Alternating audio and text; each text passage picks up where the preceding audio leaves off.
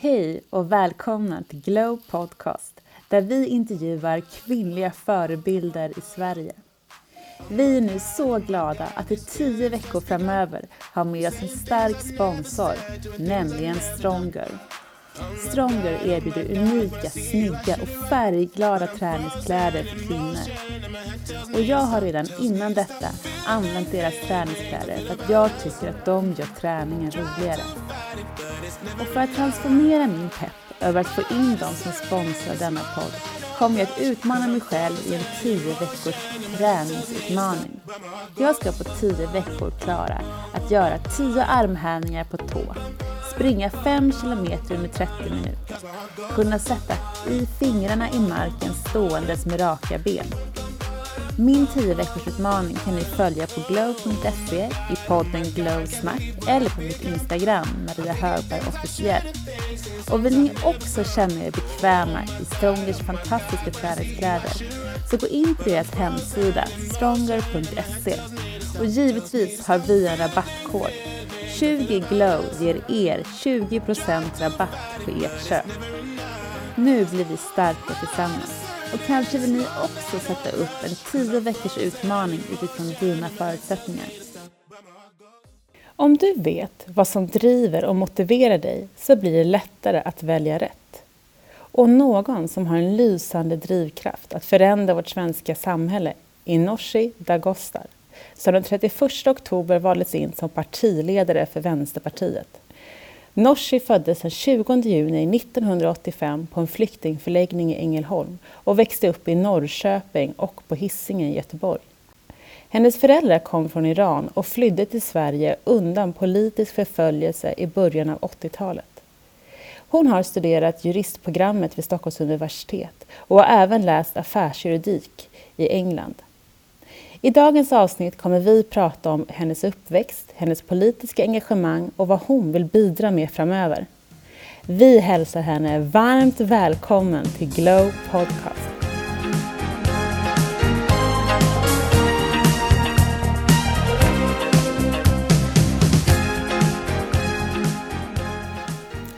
Hej och varmt välkommen till Glow Podcast. Tack så mycket. Roligt att vara med. Ja, verkligen. Och jag brukar göra så att, man, eh, att vi checkar in först.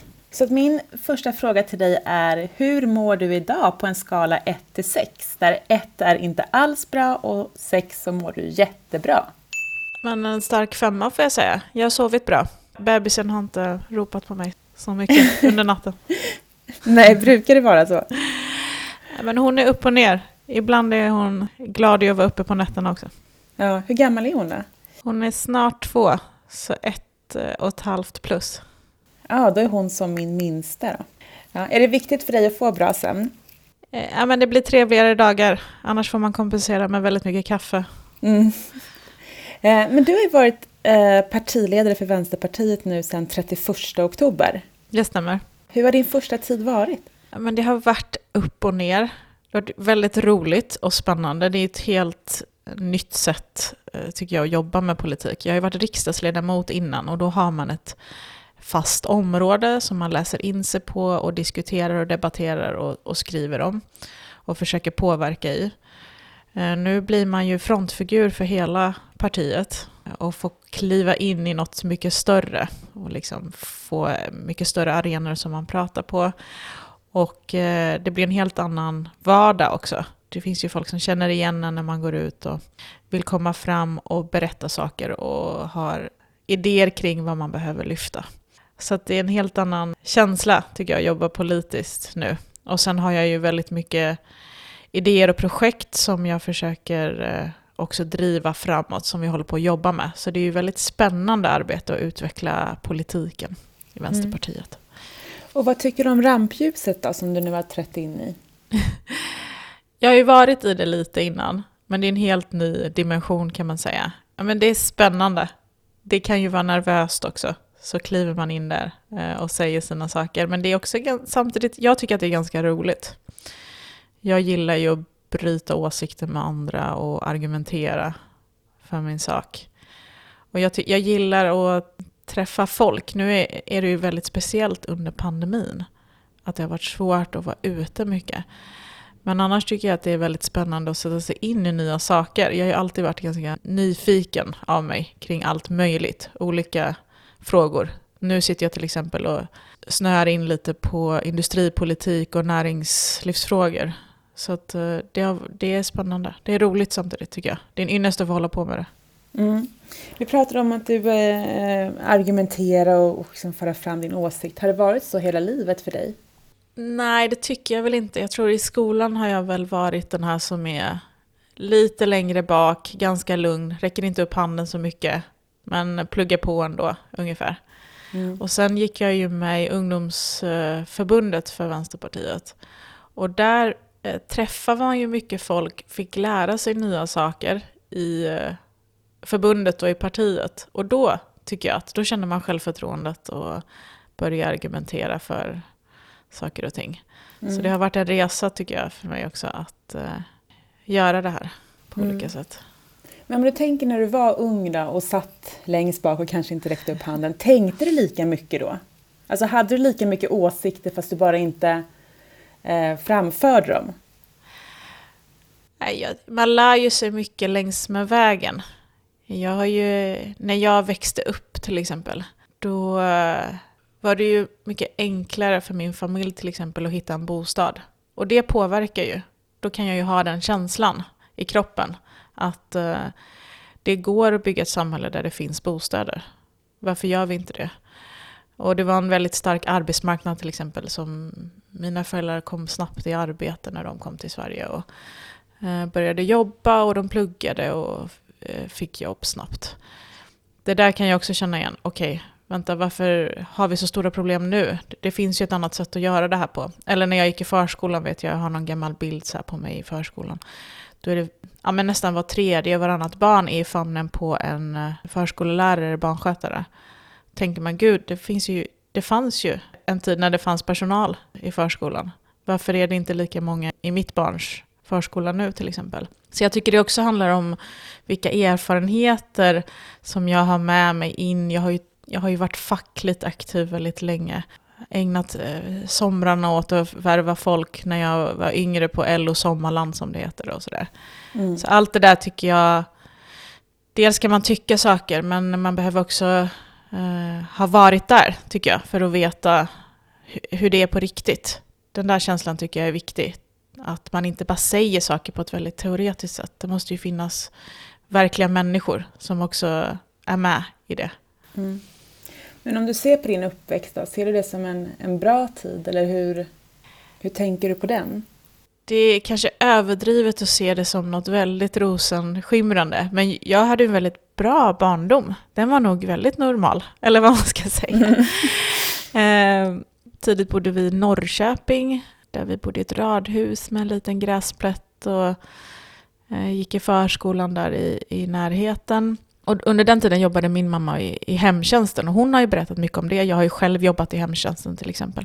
Då har man erfarenheter av det. Eh, min pappa, eh, han jobbade ju mycket i byggbranschen så det var svårt under 90-talet när det mm. gick ner i byggbranschen. Så då har man ju haft också erfarenheter av hur funkar det när ekonomin går ner och folk blir arbetslösa. Hur är det i en familj? Jag vet också under 90-talet så gjorde man en del omläggningar i Sverige i början av 90-talet, vilket gjorde att hyrorna höjdes väldigt snabbt under 90-talet. Och då hamnade vi i en situation där hyrorna höjdes också för våran lägenhet. Vilket gjorde att vi hade knappt möjlighet att bo kvar där efter ett antal år. Och jag var själv ute och satte upp lappar i trappuppgångarna. Finns det någon som vill eh, byta lägenhet med oss? Eller mm. har ni en ledig lägenhet någonstans? Var det första gången som du liksom fick ett, ska säga, ett ekonomiskt perspektiv? Eller vad ska man säga, att du liksom förstod att det är lite sårbart? Jag tror inte riktigt att jag i den åldern förstod exakt vad som hände utan jag såg bara på mina föräldrar att de var oroliga och jag såg att vi behövde flytta. Och det kan jag ju känna nu. För vårt parti är det ju väldigt viktigt att vi inte inför det som heter marknadshyror till exempel, som regeringen har sagt. Vilket betyder att fastighetsägare och hyresvärdar själva får sätta den hyra som de vill. Egentligen att hyresgästen inte ska ha några rättigheter alls. Och då kommer det bli väldigt, väldigt höga hyror eftersom bostadsbristen är så stor. Eh, och det känner jag att jag vill ju inte att väldigt många barn ska uppleva den där. Nu känner inte jag, den oron var ju, eftersom hyrorna inte höjdes så dramatiskt så fort så blev det ju en liten oro. Jag kan tänka mig att den oron kommer bli ännu större för de barn som i så fall drabbas av en eventuell marknadshyra och det vill inte jag att något barn ska drabbas av. Så det har ju, tänker jag, betyder mycket för mitt arbete nu och hur jag pratar och argumenterar. Att jag vet ju hur det är att få höjda hyror och hur jobbigt det är för ett barn att se sina föräldrar oroliga. Mm. Men jag tänker så här, för om man pratar om liksom att du hade ändå så här med förskolan, det fanns eh, många pedagoger där och du såg ändå att samhället såg annorlunda ut än vad det gör idag. Eh, hur, liksom, när fick du den här första uppvaknandet att jag vill förändra det här? Det går åt fel håll eller liksom på något sätt så?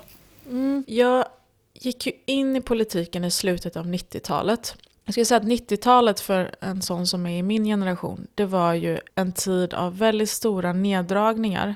Framför allt i det som är offentligt, alltså i skolan, i omsorgen och i sjukvården. Där hade jag ju en mamma som jobbade i hemtjänsten. Och hon blev ju väldigt pressad på sitt jobb. Hon jobbade där då och då. Hon jobbade också i sjukvården där hon såg hur de drog ner. Men i slutändan slutade hon jobba i hemtjänsten för det blev så pressat. Anställningsförhållandena försämrades, de slutade anställa, schemana eh, lades om på ett sätt som gjorde att eh, det blev en akut stress för väldigt många. Och jag vet att min pappa också, som innan han jobbade i byggbranschen, jobbade i långvården. Där slutade de ju också ganska tidigt att ta in vikarier till exempel. Det påverkade hela samhället, men också min familj då, såg jag ju på dem. Redan där under 90-talet började man ju dra ner väldigt mycket i, i det här skyddssystemet vi har i Sverige.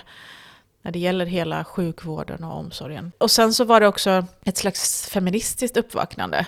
Jag läste sådana böcker som Fittstim och jag tyckte alla tidningar också var ju uppslag kring feminism. Uh, hur är det att vara tjej, ung tjej? Och det passade ju mig ganska bra. Hur är det att vara ung tjej i Sverige? Ja, men det är en sjuk utseendefixering som kan leda till att man mår dåligt själv. Uh, varför ska tjejer bli så bedömda på sitt utseende till exempel? Eller när vi kommer upp, har Eh, jobbat och slitit och kommer in i arbetslivet, då har arbetslivet bestämt att kvinnors arbete är mindre värt än mäns. Så ska det inte vara. Så det där gav mig styrka också att gå in i och arbeta politiskt. För jag tyckte det där, det där är viktigt. Mm. Och, och, om du tänker liksom den första tiden som politiker, då, blev det som du hade tänkt dig? Inte politiker, men när du var politiskt aktiv? Det var väldigt roligt. Jag blev väldigt snabbt uppsugen in i massa typer av olika politiskt arbete. Jag hamnade i distriktsstyrelsen där i ungdomsförbundet. Vi demonstrerade mot George Bush tror jag. Mm. Eh, I början där om millennieskiftet. Han var på besök och han höll på att kriga runt med olika länder. Och det tyckte vi var dåligt. Och sen var jag med i valrörelser, ute och debatterade som man brukar göra i gymnasieskolor. Jag var med och bedrev en EMU-valrörelse 2003 faktiskt. Mm. Som var väldigt rolig. För att eh, då hade ja-sidan då, de som ville gå med i EMU, de hade alla pengarna, hela näringslivet, de hade de snyggaste eh, sloganen och mest gratispresenter som de delade ut. De, jag vet till och med att de köpte massa personal som jobbade för dem, som till och med själva tänkte rösta nej. Mm -hmm. Men som ändå var anställda åt dem och sådär. Men ändå vann vi den valrörelsen.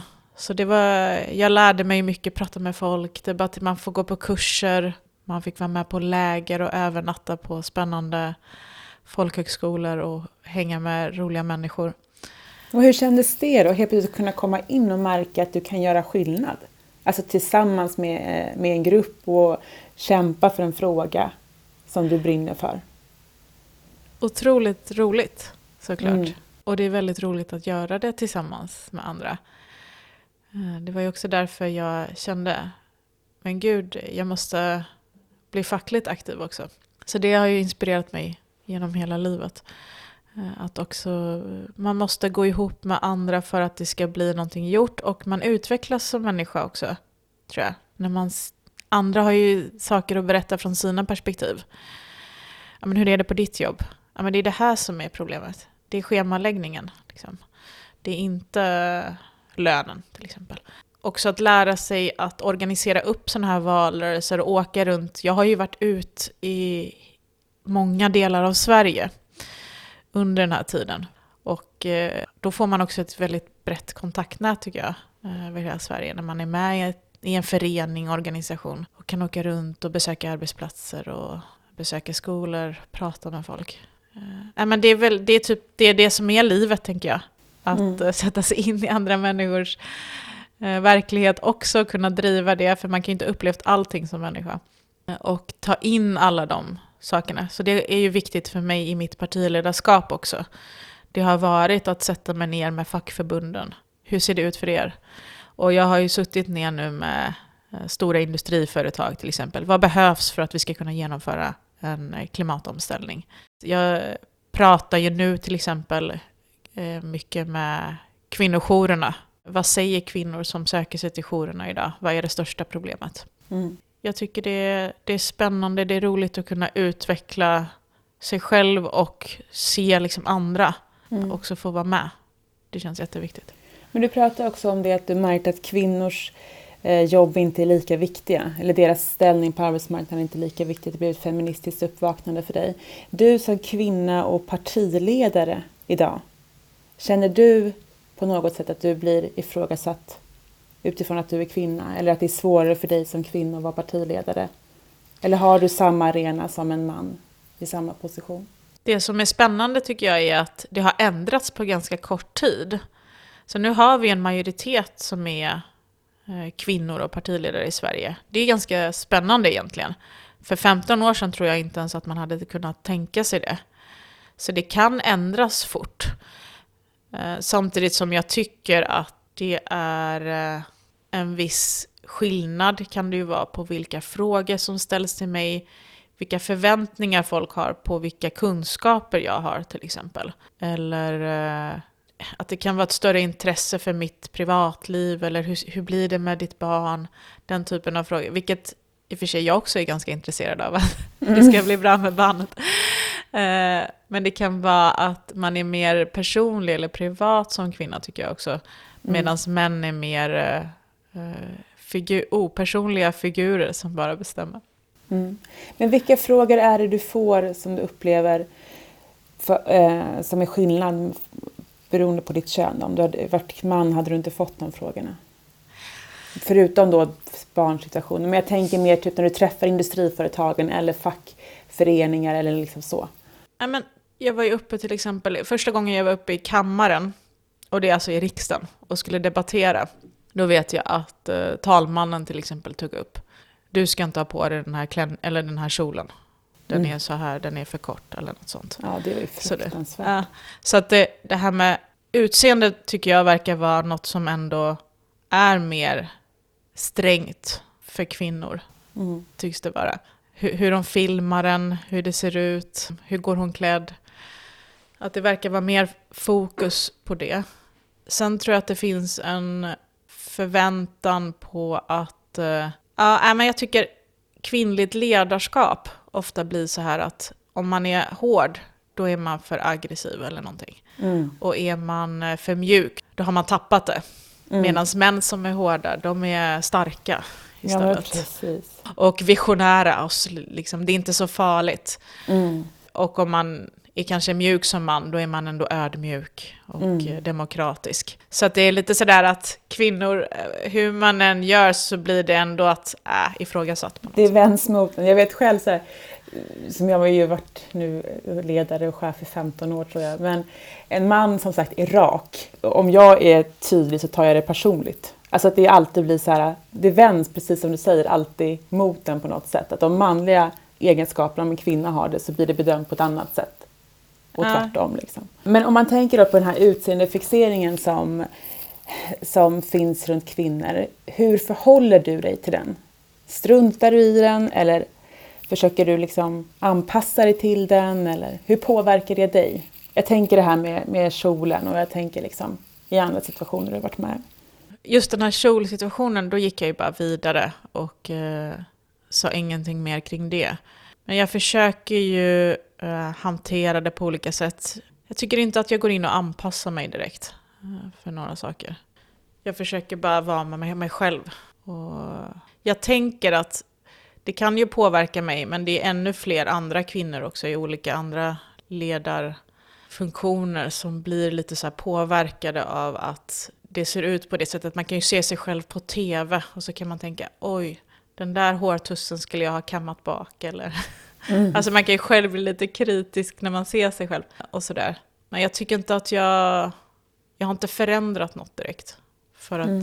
uh, gå det till mötes. Har någon gjort, re gjort rekommendationer nu när du är partiledare hur du ska klä dig eller hår eller skor eller liksom?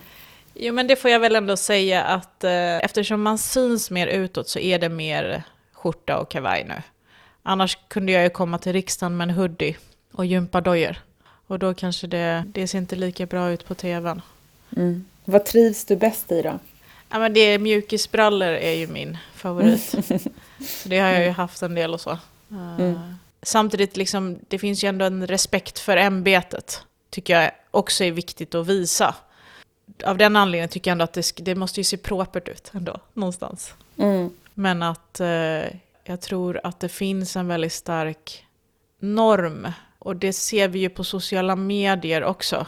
Att kvinnor ska vara, tycker jag, så här, när man ser en influencer eller allting i mediebilderna så tycker jag att det är mycket större krav på hur kvinnor ser ut. Medan en man kan se ut lite hur som helst. Typ, mm. Och ändå få vara med. Mm. Hur ska man förändra det? Ja, men det är det mest grundläggande feministiska perspektivet ändå.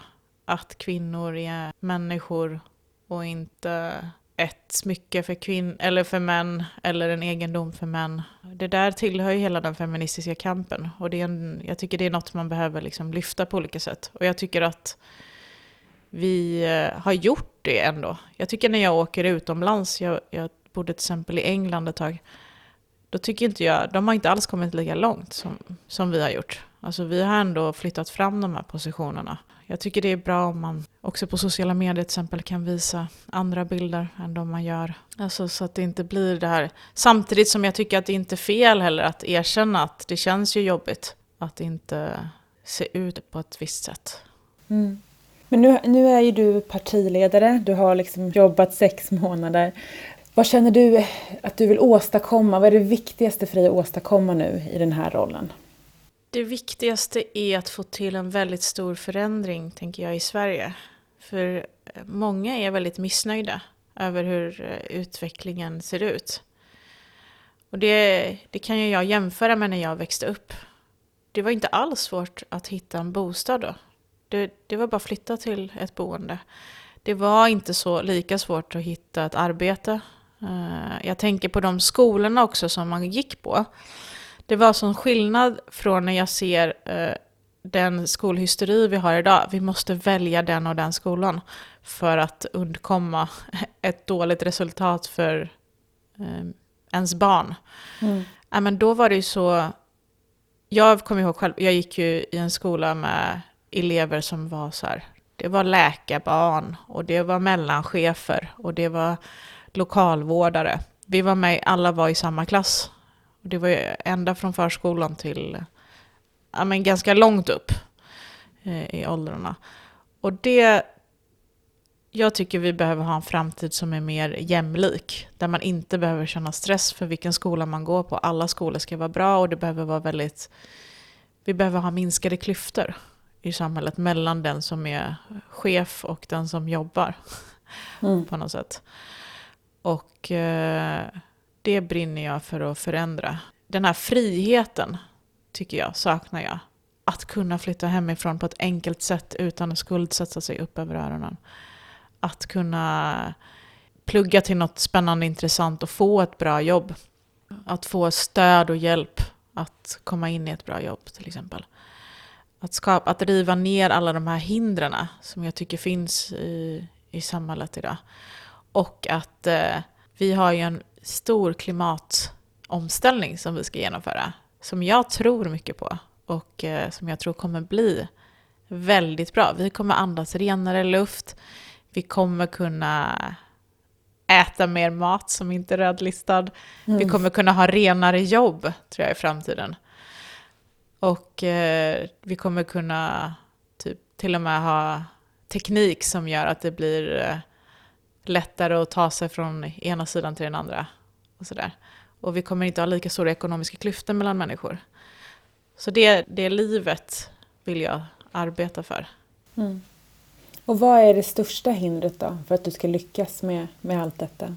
Det är att eh, politiken i Sverige under, tycker jag kanske det här 90-talet som vi pratar om nu, som gjorde att jag fick ett uppvaknande. Gud, vad, vad händer? Saker och ting försämras. Politiken har varit så passiv på väldigt lång tid.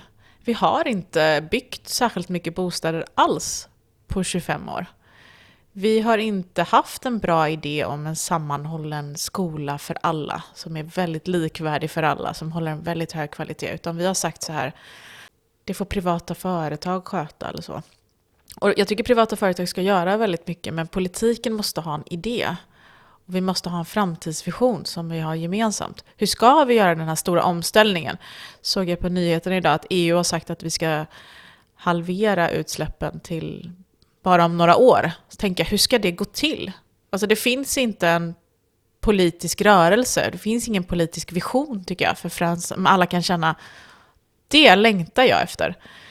Och jag vill att politiken ska göra mer, alltså att vi ska säga, nu ska vi bygga ut eh, bussar och tunnelbanor och spårvagnar så mycket så att det ska gå kort tid att ta sig från det ena stället till det andra. Vi ska bygga ut så mycket eh, rälstrafik till exempel så att det ska gå att ta, det ska vara billigare och bättre att ta tåget. Man ska inte ens behöva ta flyget till exempel. Och sen det som vi debatterar mycket nu till exempel, kvinnors utsatthet för våld. Mm. Män som utsätter kvinnor för våld. Det har ju inte förändrats på flera år. Det är ungefär lika många. Trenden är nedåtgående om man ser det över längre tid. Det tycker jag, vi behöver ju göra mer. Där får ju samhället säga, vi sätter stopp för det varenda person på, i vården och omsorgen, socialtjänsten och i eh, polis och rättsväsende ska ha full kunskap om de här frågorna så fort en kvinna larmar om någonting. Då ska hela samhället finnas där runt henne eh, och kunna liksom, skilja henne från en våldsam man. Mm. Och vad är hindret för det? För jag tänker att det, nej, det säger ju liksom alla att det här måste göras någonting åt. Och jag tror ingen säger att det ingen, jag tror inte någon skulle säga att det här ska vi inte göra, men hur ska man få det att verkligen hända? När ska man få uppvaknande, att, man inte, att män inte får slå kvinnor? Jag tror att hindret är ändå den här väldigt klassiska skillnaden som finns i politiken, som handlar om vänstern. Vi vill att politiken ska spela mera roll. Vi vill satsa mer pengar, offentliga medel, på kvinnojourer till exempel. Eh, vi vill inte privatisera och lägga allting på privata företag. Sånt som är offentligt i alla fall, alltså skolan, vården och omsorgen. Vi vill, jag vill ju att vi är med och forskar fram till exempel ny miljöteknik och lägger mycket mer stålar på det. Medan högersidan får man ju ändå säga, de är ju väldigt fokuserade på sänkta skatter och att privatisera det som är offentligt. De tycker ju att här, samhället ska inte göra särskilt mycket, Man, det, det, alla ska sköta sitt. Eh, så att säga. Och det, det är det som jag tycker ändå är det politiska skillnaden mellan höger och vänster. Att jag ställer ganska höga krav på att eh, vi ska göra det här tillsammans. Och att det är ett samhällsansvar att skapa arbete till exempel. Jag vill ju se till att vi bygger ut, vi behöver elektrifiera massa saker i samhället för att det ska bli mer klimatsmart. Och då behöver elnätet byggas ut. Jag menar, inga partier som lägger pengar på det eller tycker vi ska göra det. Det är det som är skillnaden någonstans ändå. Att hur mycket ska politiken spela roll? Jo, men jag tycker väldigt mycket.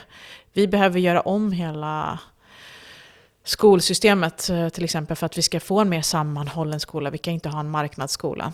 Och när det gäller kvinnojourernas arbete så ser jag en vattendelare idag till exempel, där eh, högersidan de vill privatisera skyddade boenden. Nu ska det vara företag som driver dem helt och hållet. Och det tycker jag är helt fel, för då ska kvinnojourerna sluta göra det. Och de har ju en erfarenhet och kunskap om mäns våld mot kvinnor som är 40-50 år gammal. De vet ju väldigt mycket kring vad som behöver göras och har eh, erfarenhet kring det. Men nu håller man på att privatisera deras eh, verksamhet helt och hållet och lägga det i händerna på företag som vill tjäna pengar. Jag såg till och med att det var misstänkta män eh, som var misstänkta för barnmisshandel till exempel, som drev viss verksamhet som man då som de, de skulle driva skyddat boende, men de var själva då misstänkta för våldsbrott. Nej, äh, men det är ändå skillnad. Det, det, vi vill skapa något större med ett ganska stort politiskt. Eh, ledartröjan måste ändå vara politisk. Mm. Men hur vill du liksom nå ut då? Är det, alltså, hur vill du engagera och hur, vad, liksom, vad, är det på torg Eh, när coronan är över då? Eller är det via sociala medier? Alltså hur får man upp de här frågorna? För idag är det ju också, om man tänker som sagt på 90-talet så fanns det inte lika många kommunikationsplattformar som det finns idag hur skapar man det här engagemanget och hur, vill, hur ska du nå ut med allt, liksom, eller Vänsterpartiet nå ut med sin retorik, sin politik? Det är verkligen sant och jag tror på alla de sätt som man kan är ju bra sätt. Jag använder ju både Facebook och Instagram och Twitter eh, och alla de sätt som går att nå människor på. Sen är ju folk ofta på sina jobb. Så det är klart att eh, jag är gärna på arbetsplatser. Nu har det varit mycket svårare att eh, besöka, men som du är inne på, pandemin har gjort det ganska svårt att komma ut och träffa människor och det hoppas jag verkligen att man ska kunna göra när pandemin är över. Och det där är, ja. Eh, men längtar du efter så här torgmöten? Torgmöten är svårt tror jag. Det passerade lite folk så här. Ibland känns det som, ja men det, det, kan, det kan också funka om det är lite soligt och det är trevligt och det är lite kulturinslag. Mm. Men jag tror det finns, alla sätt är ju bra sätt tycker jag. Men eh, jag är ju van vid ganska mycket att vara ute bland... Men jag har ju också gått i Pride-paraden och i första mm. maj-tågen. Det är klart att det är stora samlingar som vi har. Men det är sociala medier, det är arbetsplatser. Jag var häromdagen på ett årsmöte med Handelsanställdas förbund, till exempel träffa alla fackliga medlemmar som är där. Det var ju också digitalt, så det är svårt att liksom se alla face to face. Men jag tycker det där, det där är ju viktigt såklart. Dels för att få input, alltså man vill ju också lyssna på. Vad tycker du att vi ska driva, eller vad är det viktigaste för dig? Eh, men också för att själv nå ut med budskapet som vi vill ha. Och det är klart att i slutändan tycker jag att eh, sociala medier är ju viktigt, men det, de stora etablerade medierna har ju fortfarande ett väldigt stort genomslag. Så det är ju där man kommer ju också att vara för att driva sina stora frågor. Men sen, Vänsterpartiet är ju väldigt många av våra medlemmar och vi som parti och rörelse framåt, vi har ju väldigt starka kopplingar till breda rörelser i sig. Alltså vi har ju varit, många av våra medlemmar är ju jourtjejer som har väldigt lång och djup kunskap om mäns våld mot kvinnor. Eh, vi har ju många fackligt eh, aktiva eller med förtroendeuppdrag. Så eh, vi har liksom också inne i vår förening kopplingar ut. Och mm. många av oss är till exempel medlemmar i Hyresgästföreningen och har varit förtroendevalda där. Jag tänker det, det är ett samspel hela tiden mellan vad som kommer in och ut. Eh, mm. Och men jag tänker liksom det här, eh, för sociala medier, digitalisering skapar ju också en distans. Och politik kan ju vara distanserande men det kan ju också vara extremt närvarande. Alltså till exempel när man går ett första maj, alltså då, är man ju, då finns man ju där, det, det pulserar. Medan eh, om man ser en debatt på TV så är den distanserad för man sitter i, ja. i soffan. Jag, jag håller med och det tycker jag det har väl alla märkt nu under pandemin. Att vi längtar efter riktig social kontakt. Och det som, eh, ja kanske också eh, på sociala medier, att det blir också lite mer aggressivt tycker jag. Därför att man inte ser varandra och inte få den här sociala kontakten och förståelsen. Men jag tror ändå att det är ju där kommer man ju snabbt i kontakt med många. Alltså det är den här spridningseffekten, att, man kan, att någon från Luleå kan se mig i Stockholm. Och det har jag ju märkt också, jag tänker under den här pandemin har jag ju haft, det har varit svårt att besöka arbetsplatser och så i verkligheten. Men de här digitala verktygen har ju verkligen lett till att många fler har också kunnat vara med ibland. För att det är så lätt att vara med hemifrån mm. på olika saker. Jag tänker också typ eh, på influencers som vi var inne i på tidigare. Vissa har ju en miljon följare. Och många företag går ju mot att använda de här stora arenorna. Hur tänker ni kring det? Skulle ni också kunna... Är det, är det att bygga upp era egna konton eller skulle ni kunna kroka arm med vissa som har samma politiska ställning för att nå ut till fler? Ja, nej, men då är man ju verkligen en makthavare när man kan nå ut till så många människor.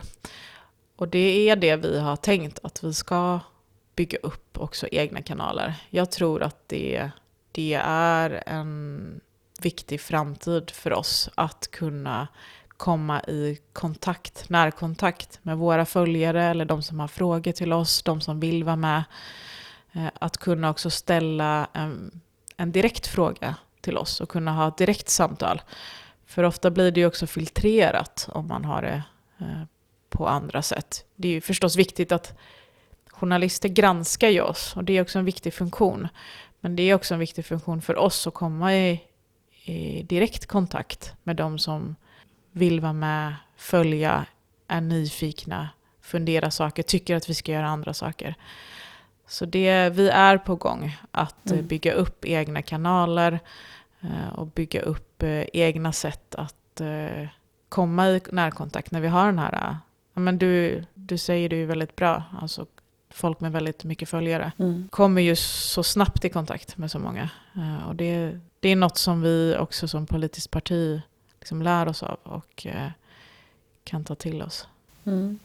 Och nu har du ju jobbat i sex månader. Om du får drömma fritt då, hur ser ditt liv ut om tio år? Oj. eh, då har vi förhoppningsvis en eh, progressiv regering som har gjort väldigt mycket trevliga saker. Det ska vara, då är det väldigt mycket enklare att kunna flytta hemifrån när man är 20 bast, fastän man inte har jätterika föräldrar. Då kommer det inte spela så stor roll exakt vilken skola man gick på, utan alla är väldigt bra.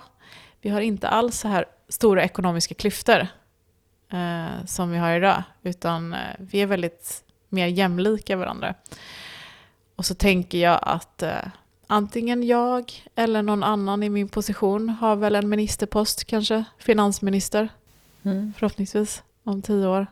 Och då har vi löst, då har vi gjort, genomfört en stor klimatomställning som alla tycker är trevlig. Mm. Och jag hoppas att, äh, men vid den tiden har vi också, då har mäns våld mot kvinnor minskat väldigt dramatiskt. Och vi har fått en helt annan arbetsmarknad där kvinnor och män värderas lika. Mm. Och det är något som vi då har jobbat på. Vad tror du om den bilden? Ja, den låter ju fantastisk. Självklart. Uh, sen så är det ju liksom, det är ju en väg dit. Så det, det är bara, bara att kämpa på. Men vi ska också gå vidare direkt till det etiska dilemmat där du kan få ta en snabb väg då. Du har fyra knappar framför dig. Vilken knapp trycker du på? Världsfred, total jämställdhet, ingen mer fattigdom, en för alltid hållbar miljö. Oj, men alla de här var ju väldigt bra. Mm. Ja, men jag tar, vi börjar med jämställdheten då. Det, är, det genomsyrar så mycket eh, av eh, samhället vi lever i. Redan när vi föds eh, så är det ju viktigt exakt vilket kön man har. För det definierar så mycket kring liksom hur, vilka liv vi kommer få. En kvinna som växer upp idag, hon, det är väldigt vanligt att hon blir utsatt för våld, att hon tjänar mindre än en man. Eh, att hon får ansvara för alla sociala kontakter och eh, får liksom ha ansvaret för hemmet och barnen. Jag tänker att det är ju så mycket trevligare om man skulle dela på detta. Alltså båda föräldrarna är med i barnens liv, att kvinnor får tjäna lite mer och att eh, det här våldet i hela samhället. Det påverkar ju så många kvinnor, våldet. Jag var ju när jag var yngre ute i hela Sverige och pratade med unga tjejer, bland annat på arbetsplatser men framförallt på gymnasieskolor. eh, om övergrepp och sexualiserat våld. Och då märkte jag att det är så många som hanterar hela tiden det här våldet genom att eh, men ibland inte gå på fester men också gå andra vägar eh, hem eller inte kunna röra sig fritt i en skolkorridor. Och det tycker jag är så viktigt att eh, man inte ska behöva göra det. Mm. Att man ska känna sig friare som ung tjej, men också som äldre kvinna. Så det, de andra sakerna är också viktiga förstås, kan jag ändå Mm. säga. Men det där Ja. känns, eh, ja, det påverkar så mycket. Mm. Och då har vi kommit till sista punkten då som är grillen. Så det är snabba frågor, ja snabba och snabba, men det är korta frågor så ska du få snabba svar ska vi få ut i alla fall då. Korta snabba svar. Är du beredd? Ja, Om du skulle bli partiledare för ett annat parti i en månad, vilket parti skulle det vara och vad skulle du då förändra? det skulle vara Moderaterna. Och då skulle jag sluta hålla på och privatisera allt. Och skriva om deras program. Och eh, fixa till, fräscha till deras politik lite. Mhm. Vem är enligt dig Sveriges mest inflytelserika person? Gud, vilken bra fråga. Det borde ju vara Magdalena Andersson, men det kanske inte är egentligen.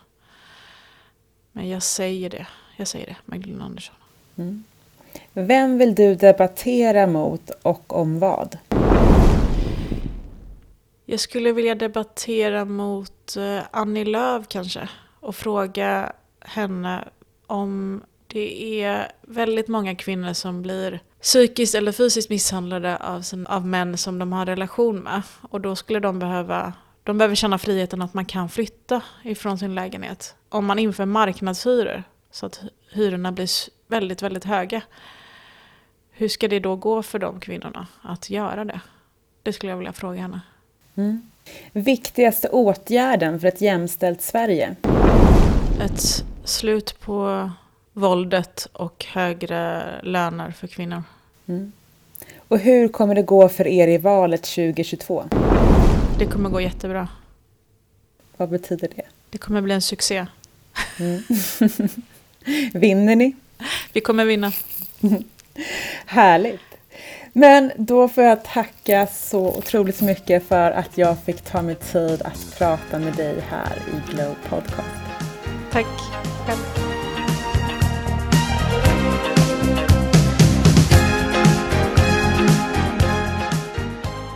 Det var allt från intervjun med Nooshi Dagostar och vi önskar er en fantastisk dag.